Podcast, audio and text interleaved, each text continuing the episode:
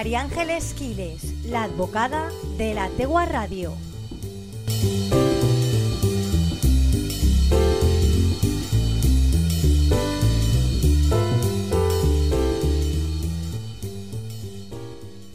Hola Elia, buenas tardes a ti y a todos los que nos escucháis. Es viernes, toca hablar de derecho y vamos a ver un asunto muy curioso y es que qué pasa cuando construyo invadiendo la propiedad de un vecino.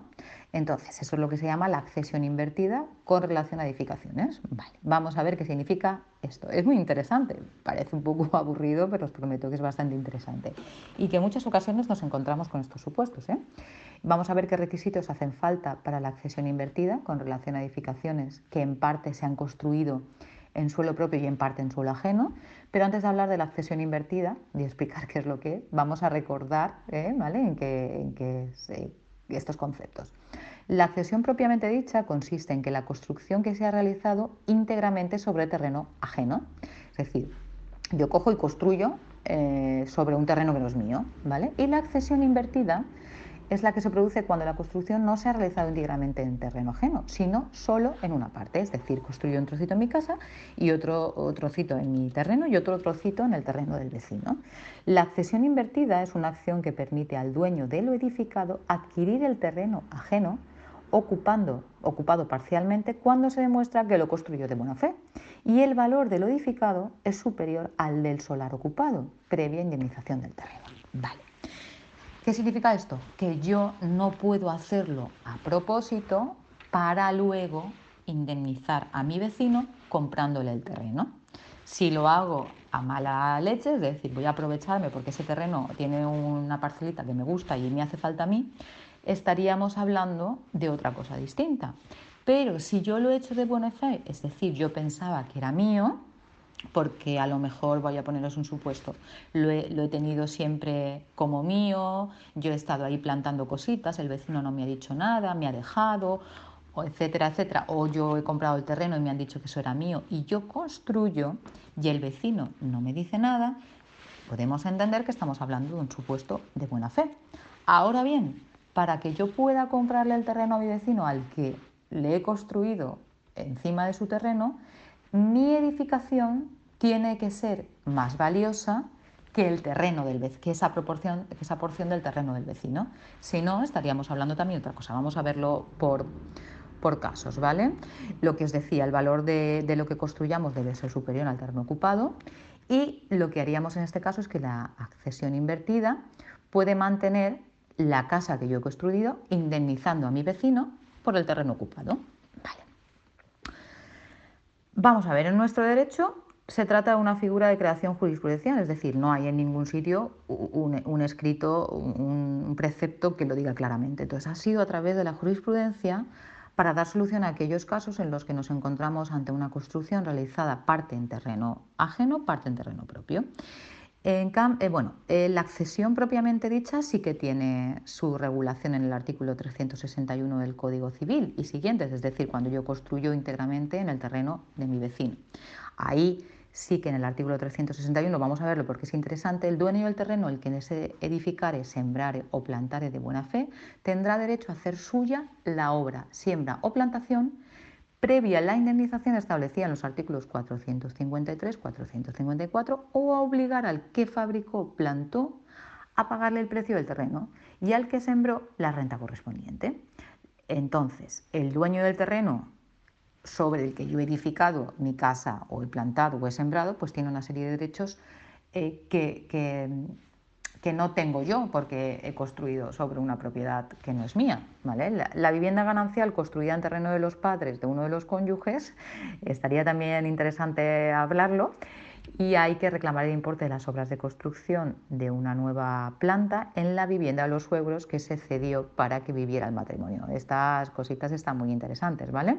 Son artículos distintos eh, del artículo 361 que en algún momento podemos ver. ¿no? Eh, sería la vivienda ganancial construida en terreno de los padres de uno de los cónyuges y el derecho a reclamar importe de las obras de construcción de una nueva planta en la vivienda de los suegros. Esto lo vamos a dejar, pero estaríamos hablando en esos supuestos de accesión. La accesión invertida que es, en este caso, la ocupación del terreno ajeno donde se construye solo es parcial y no el total, a diferencia del anterior. La jurisprudencia ha sido quien ha establecido los requisitos y consecuencias de esta situación, considerando a modo de resumen lo siguiente, como viene a decir alguna de las sentencias.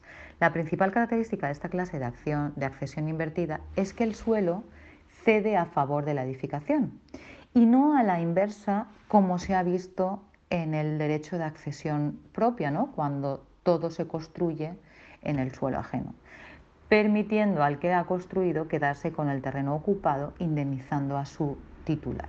Los requisitos de la accesión invertida son que la parte de la edificación construida se haya efectuado en terreno ajeno. Insistimos, ha de ser parcial, no total. ¿Vale? La buena fe por parte de quien ha construido en suelo ajeno, creyendo que era suyo, y que la edificación construida forme un todo en el terreno de la finca ajena y sea imposible su división. El valor de la edificación debe ser superior al valor del terreno ajeno que ha sido ocupado. Estos serían los requisitos de la accesión invertida y las consecuencias son que el dueño de la edificación construida en parte del terreno ajeno, en el vecino, puede solicitar que se declare la propiedad del suelo ocupado previa indemnización a su dueño, es decir, va a accederse, va a coger ese terreno sobre el que ha edificado. La indemnización debe de ser con arreglo a los precios corrientes del mercado en función del suelo que se ha ocupado, así como también habría que tener en cuenta los perjuicios que se le puedan suponer al dueño del terreno la pérdida del mismo. Por ejemplo, y esto no he encontrado ninguna jurisprudencia que lo diga exactamente, pero imaginémonos que el vecino tiene 10.000 metros y yo le cojo un trocito de terreno para construir parte de mi casa, porque la otra parte va a estar en mi propiedad, y entonces dejo a este señor con menos de 10.000 metros. Es decir, con menos de 10.000 metros no podría construir. Y, no es y en ese caso, pues eh, tendríamos un problema y seguramente, y en ese supuesto, lo que habría de conseguirse es que no sucediera la accesión invertida. Habría que oponerse a la accesión invertida porque el dueño del terreno se va a quedar con menos de la parcela necesaria para poder construir en suelo rústico.